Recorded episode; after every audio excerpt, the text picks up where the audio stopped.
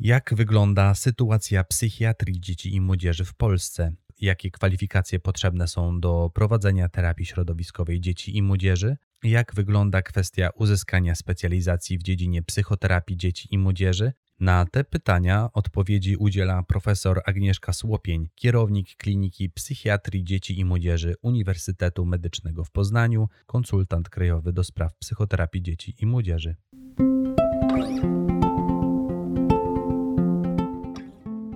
Słuchasz podcastu z cyklu Dziecko, nastolatek, dorosły Strefy Psyche Uniwersytetu SWPS. Wraz z psychologami, psychoterapeutami i innymi specjalistami rozmawiamy o zdrowiu psychicznym dzieci i młodzieży. Więcej merytorycznej wiedzy psychologicznej znajdziesz na psycheswps.pl oraz w kanałach naszego projektu na YouTube i Spotify.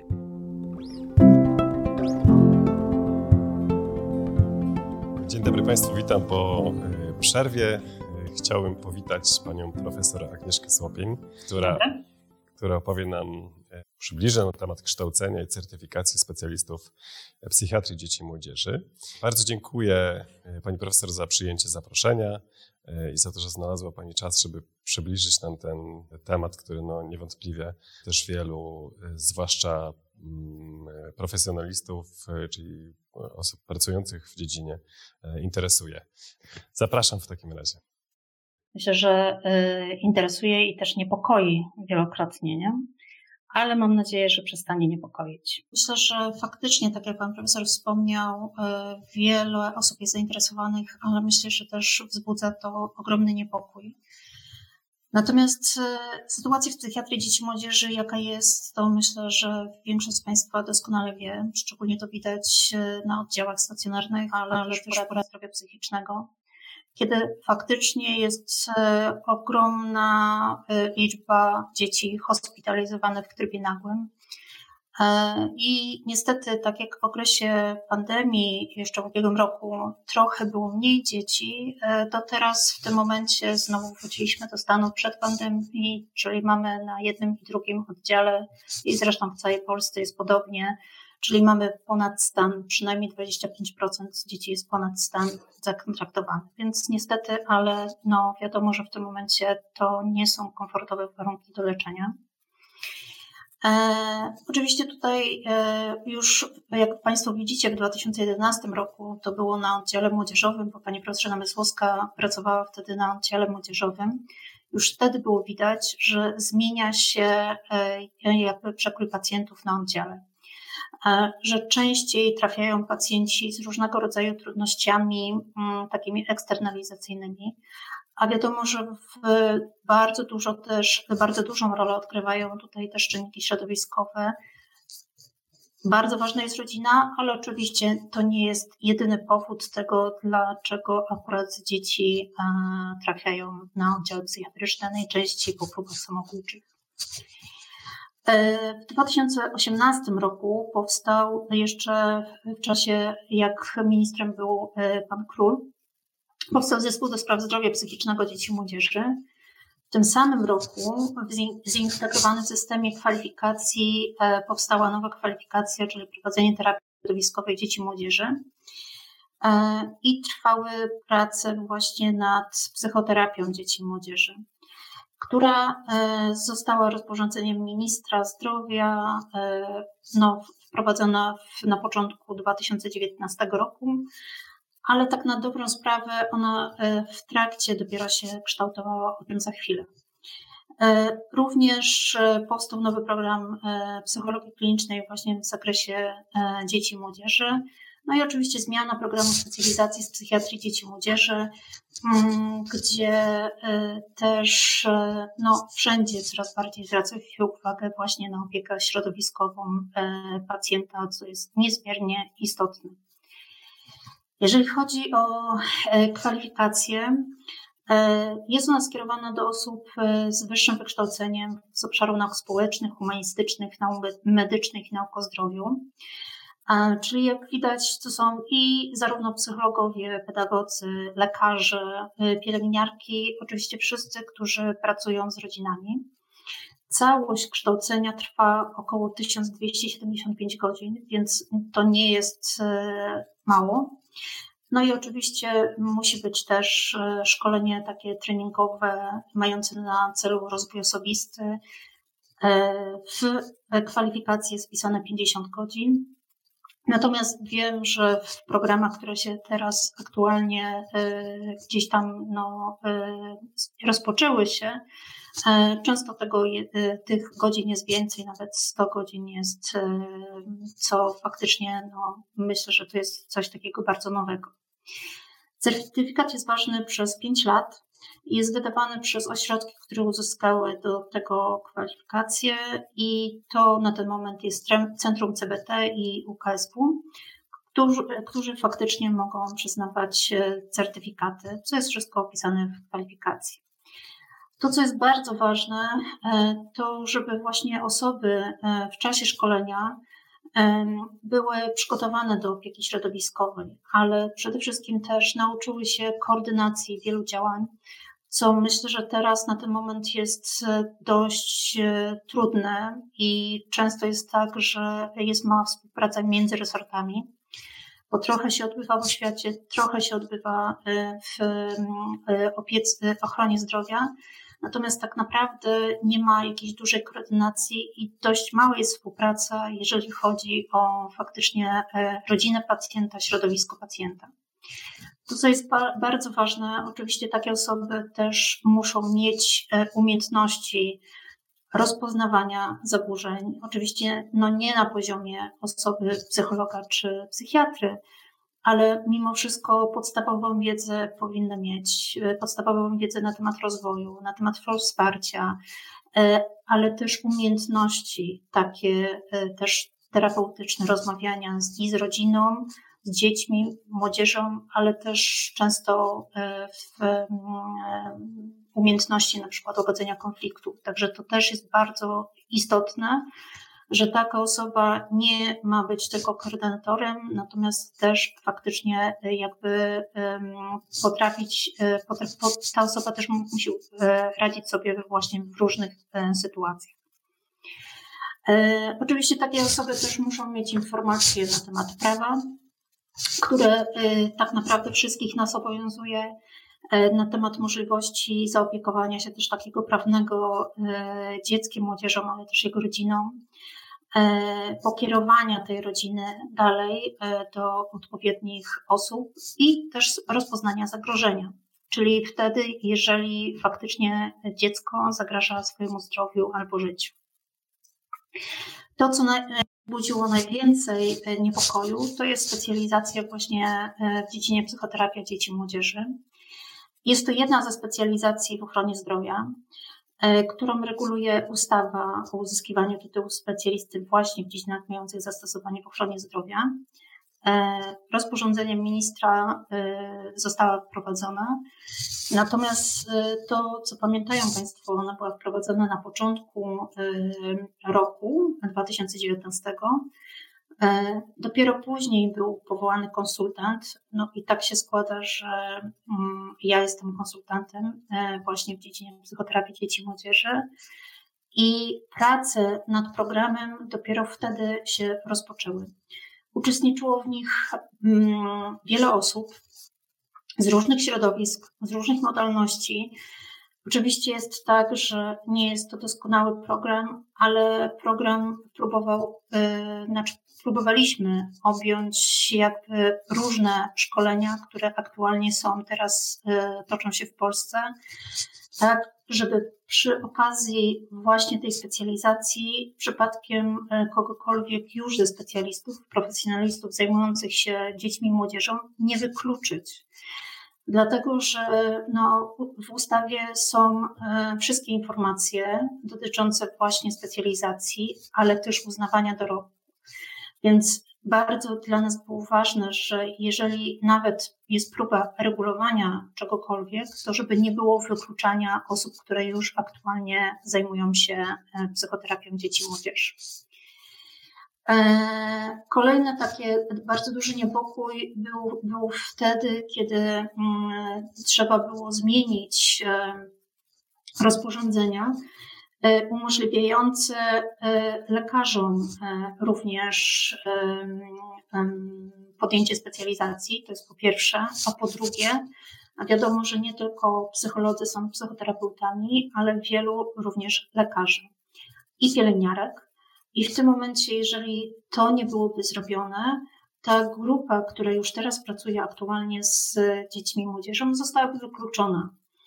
E, czyli oni wtedy na przykład nie mogliby podejmować specjalizacji, ale również nie mogliby starać się o uznanie dorobku. A myślę, że to nie, nie było e, zdecydowanie celem nikogo. No, jeżeli chodzi o specjalizację i jak to wygląda, e, myślę, że to nie będę mówiła, bo wygląda dość podobnie jak kształcenie w psychoterapii.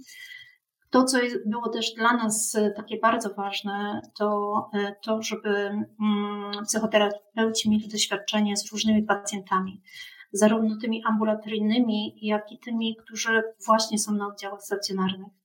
Więc dlatego we wszystkich modalnościach jest obowiązkowe 120 godzin e, stażu na oddziale stacjonarnym psychiatrii dzieci i młodzieży.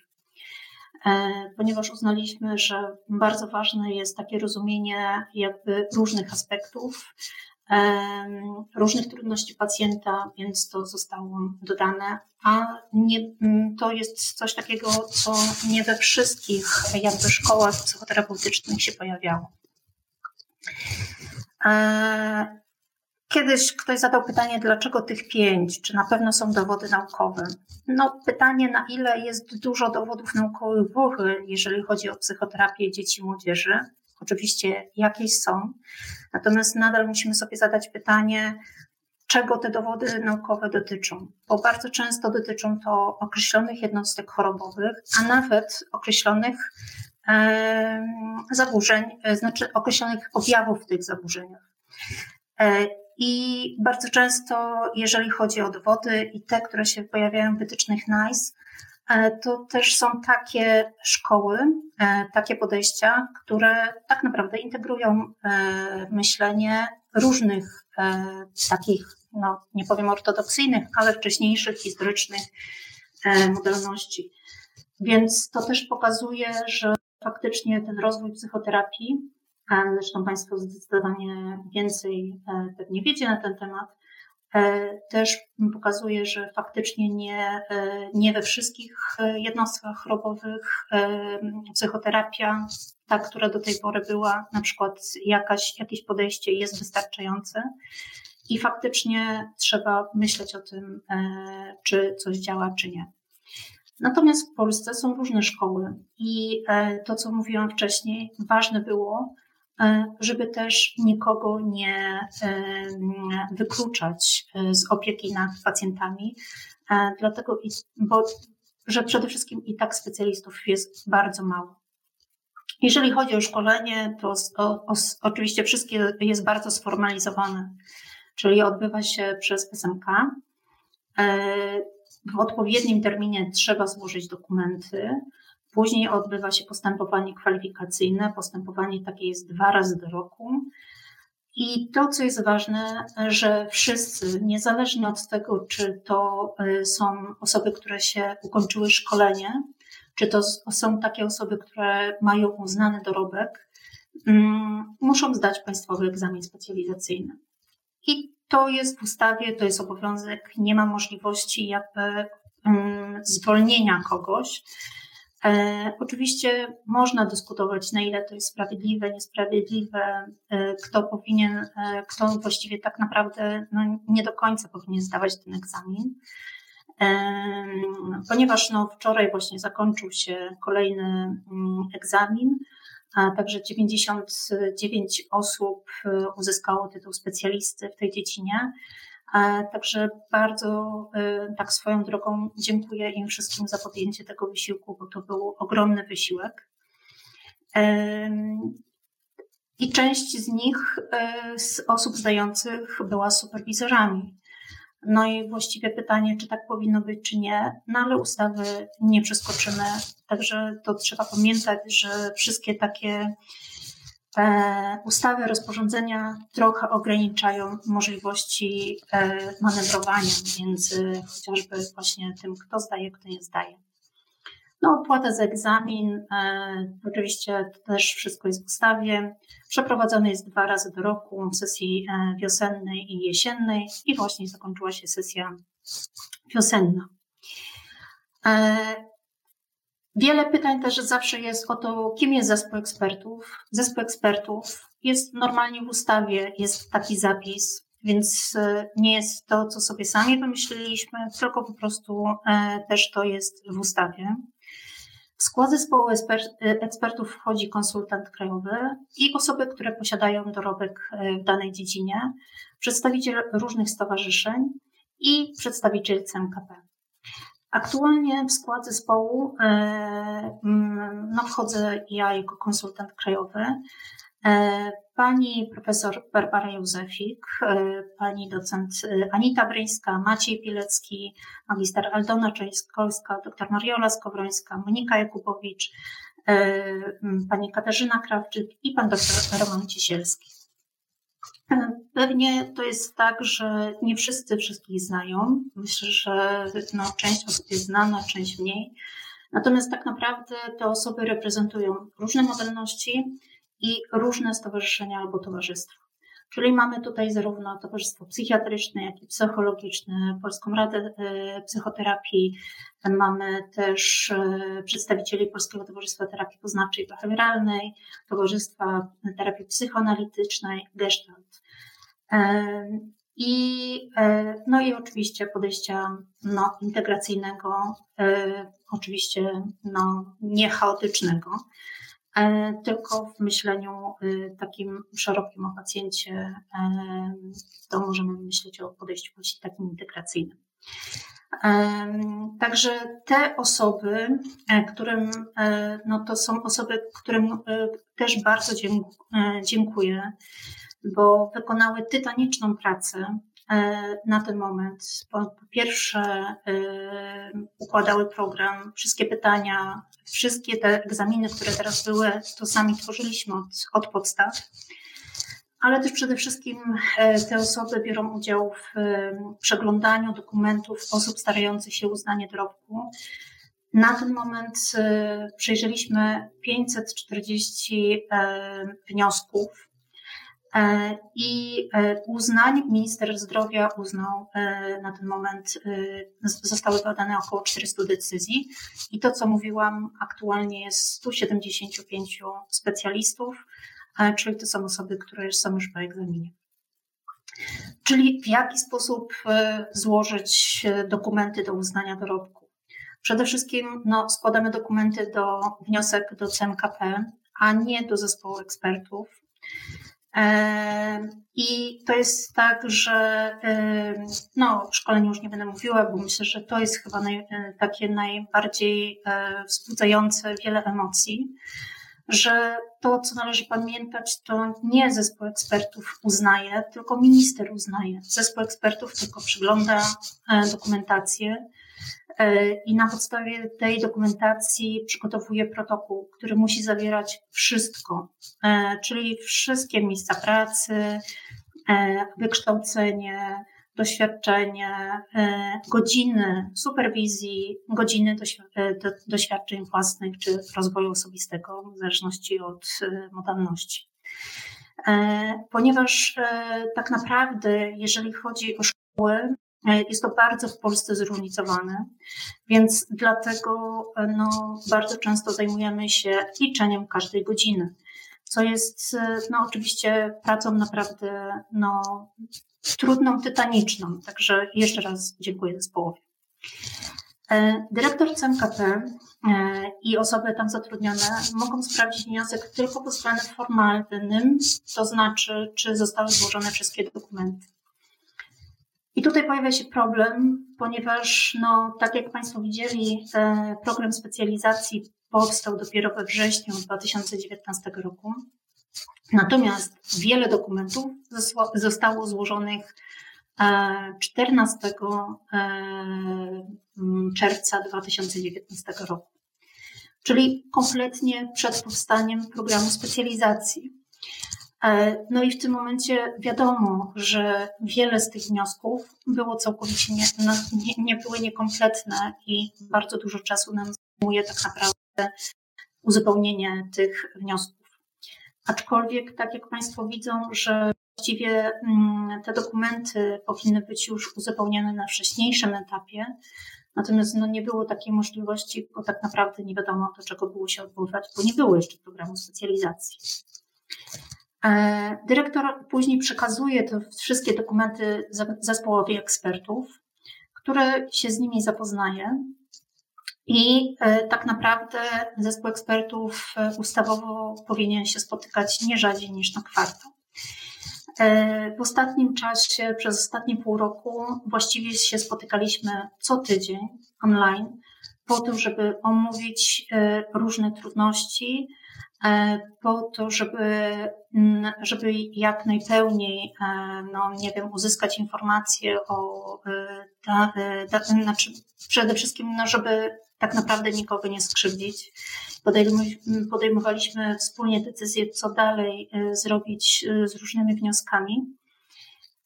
I to zabierało strasznie dużo czasu.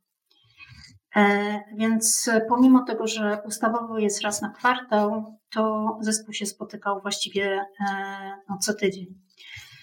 E, dlatego mm, faktycznie jest tak, że już jest ponad 400 decyzji, a tak naprawdę 540 dokumentów już zostało przejrzanych. Jeszcze nie wszystkie mają protokoły, ale już staramy się, mm, powiedzmy, prawie już jesteśmy na bieżąco.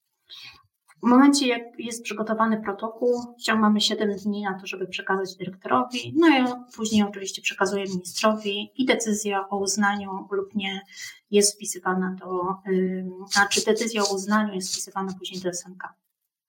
To, co y, przede wszystkim dla nas jest ważne, bo też pojawiły się takie niejasności. Najważniejsze jest dla nas oczywiście przy przeglądaniu dorobku naukowego i zawodowego e, ustawa, to jest po pierwsze, a drugie program specjalizacji. Bo tak jak widać, e, jest e, to uznanie dorobku e, naukowego lub zawodowego za równoważny za zrealizowaniem programu szkolenia specjalizacyjnego.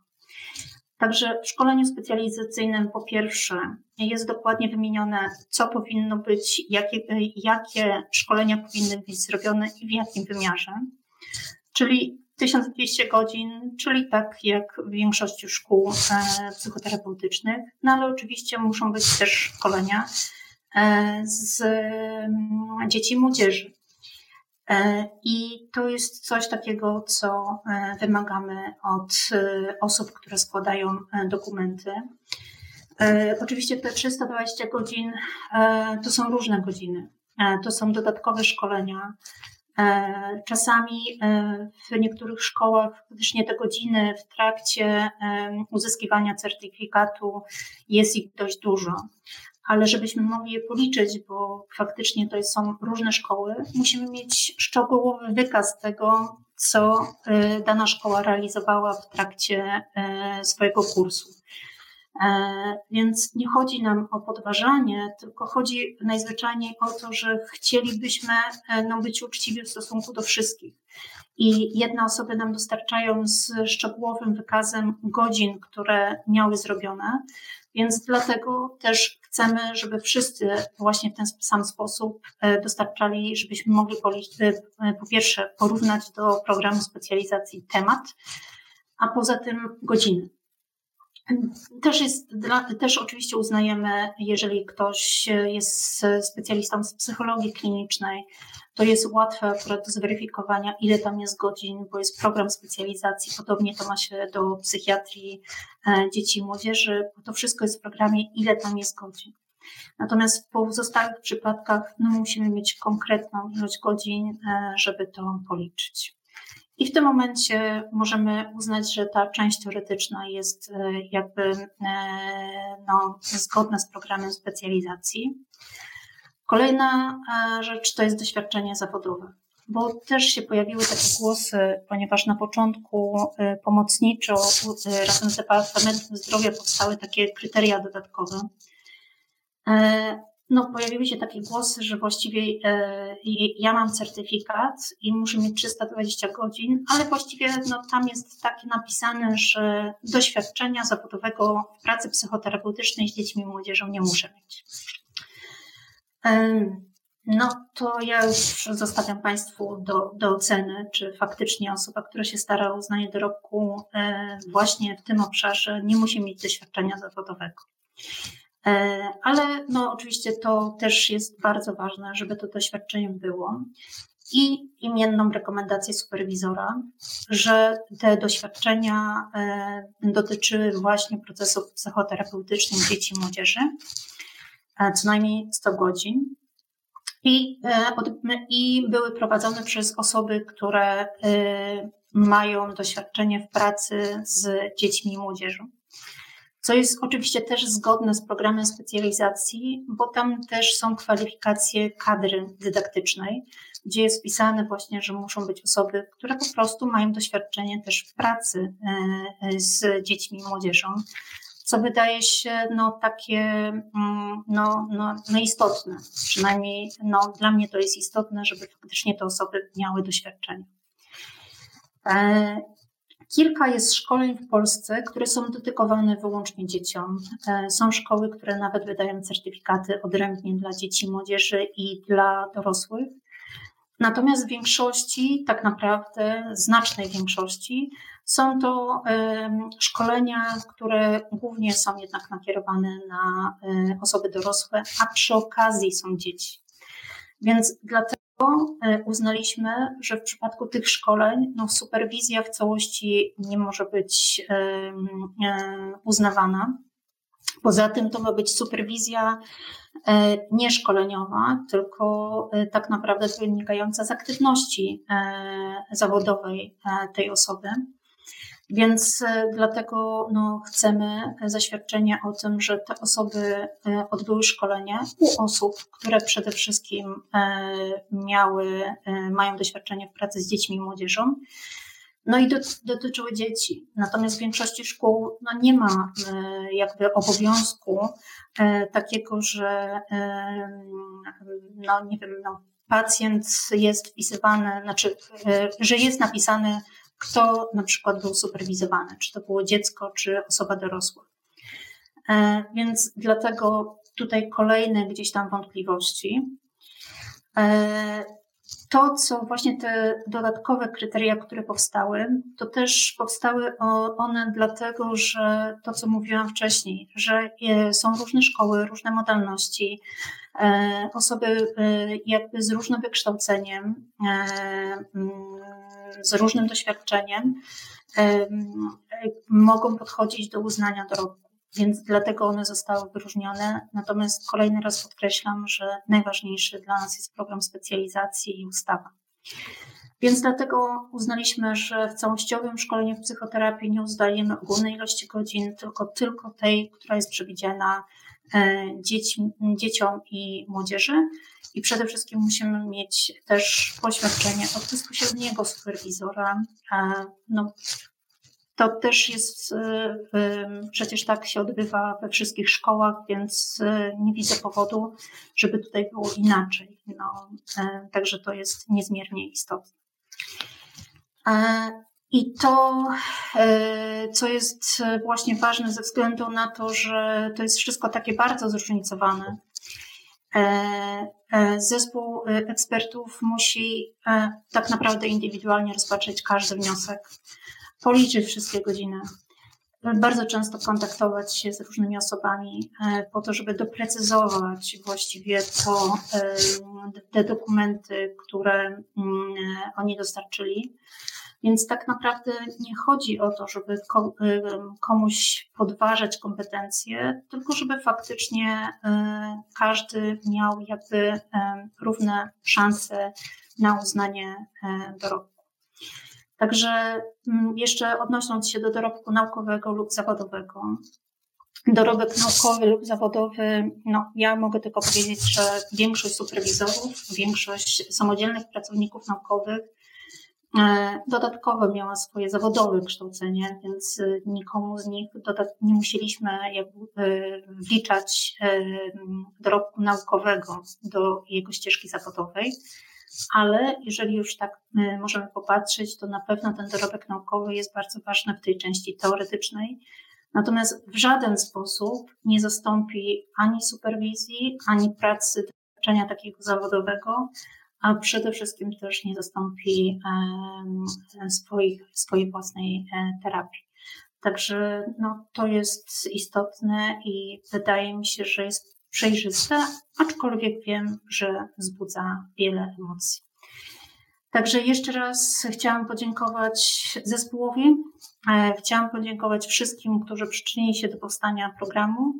Chciałam podziękować e, całej komisji egzaminującej osoby właśnie e, z uznaniem dorobku, bo pierwszy raz odbył się egzamin praktyczny.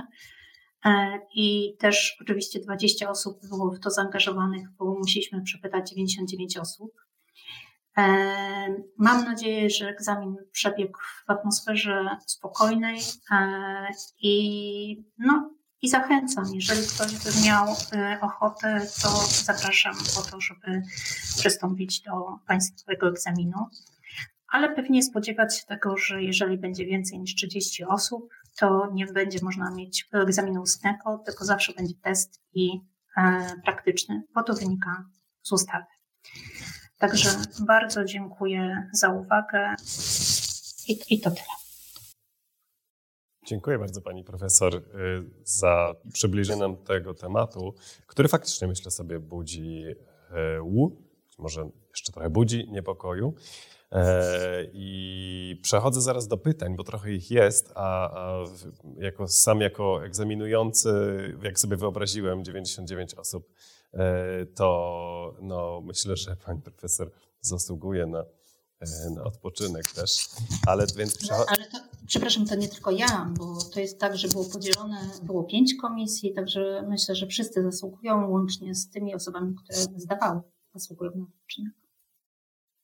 E, nie, niewątpliwie. Dziękuję też, że Pani tak podkreśla tę pracę zespołową. E, pani Ewa e, Ziółkowska pyta, czy zaliczana jest terapia własna w formie grupowej? Terapia własna w formie grupowej, tak. Okej.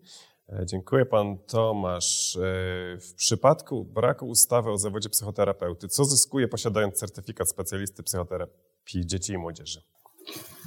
E, no to przede wszystkim dla osób, które pracują w ochronie zdrowia, e, ponieważ e, faktycznie no, pewnie ze względu na reformę psychiatrii dzieci i młodzieży i powstanie różnych jakby poziomów opieki nad dziećmi i młodzieżą w ochronie zdrowia, na pewno będzie inna stawka dla osoby, która ma tytuł specjalisty w porównaniu do osoby, która tego tytułu nie posiada. Tak jak to się dzieje w pozostałych specjalizacjach. Jak w przypadku poradni zdrowia psychicznego na przykład. Na przykład. Mhm. I tak jak psycholog kliniczny, tak jak specjalista psychiatrii dzieci i młodzieży, to na pewno w ten sposób. Mhm.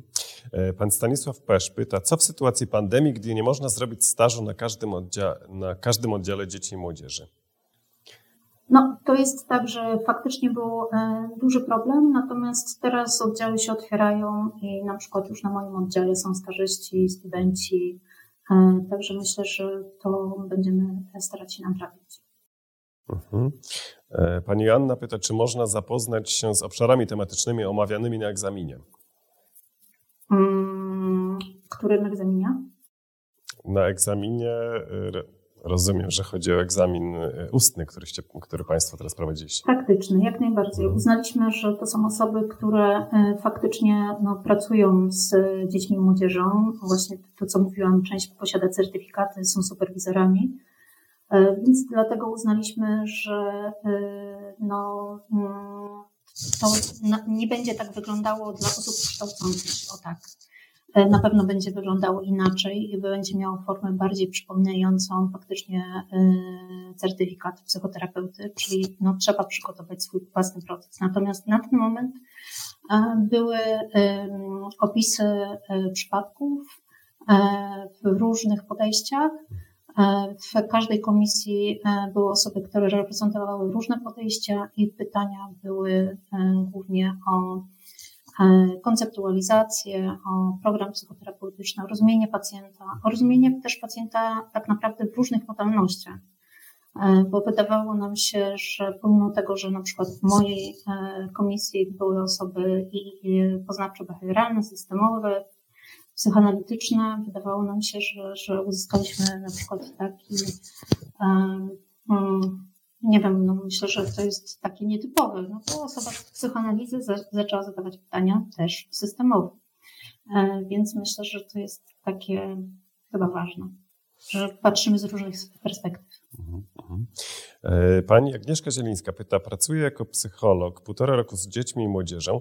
Czy kwalifikowałabym się na taką specjalizację i czy możliwe jest pogodzenie jej z pracą zawodową, psycholog w szkole i w pierwszym poziomie referencyjnym? No tak, to e, jeżeli chodzi o rozpoczęcie specjalizacji, jak najbardziej. Mhm. Bo jeżeli chodzi o uznanie dorobku, to y, troszeczkę za, krótko. Ale jak najbardziej podjęcie specjalizacji, tak. A nie wiem, czy pani profesor mówiła, czy, czy, czy y, zgubiłem ten wątek, ale jak długo trwa taka specjalizacja? Szkolenie? Specjalizacja, tak naprawdę całość e, wpisana jest 4 lata, jeżeli chodzi o część tą teoretyczną, pracę własną, natomiast no i, i staże. Natomiast jeżeli chodzi o superwizję, no to nie ma takiej możliwości, żeby to się zamknęło w mhm. 4 latach. Mhm, mhm. E, dobrze, to już ostatnie e, pytanie, bo czas nam się kończy. Pracuję integracyjnie. Jak mogę się dowiedzieć, czy moje kwalifikacje, nie, czy moje kwalifikacje zostaną uznane? E, no, myślę, że naj, najważniejsze jest przeczytać program specjalizacji. To wtedy e, będzie e, wiadomo, czy te kwalifikacje będą uznane, czy nie. Czyli to, co mówiłam, 1200 godzin szkolenia, czyli nie wszystkie osoby mają całościowe szkolenie. Czasami jest tak, że to są pojedyncze szkolenia, ale musi być 1200 godzin, 320 godzin z dzieci i młodzieży. Superwizja oczywiście w ilości minimalnie 100 godzin, ale no i doświadczenie i praca z pacjentami psychoterapeutyczna, więc Myślę, że świadectwa pracy niewiele nam mówią, jak to, co ten, ta osoba tam robi, bo nie w każdym świadectwie pracy jest napisane, że ta osoba właśnie pracuje z dziećmi, młodzieżą i ich rodzinami i jest psychoterapeutą. No i doświadczenia własne. Jeżeli ktoś nie ma całościowego szkolenia, no to jest zdecydowanie zobowiązany do tego, żeby to zrobić. To wszystko jest napisane, ile godzin czego. Okej, okay. bardzo dziękuję, Od, odsyłam również. E, bardzo dziękuję Pani Profesor jeszcze raz e, za to, że mogła Pani podzielić się z naszymi słuchaczami i widzami e, tymi, tą wiedzą, świeżymi doświadczeniami. I w takim razie chciałbym powiedzieć do widzenia. Dziękuję I bardzo. państwo, mówi, państwo również mówię na dzisiaj do widzenia. Dziękuję bardzo.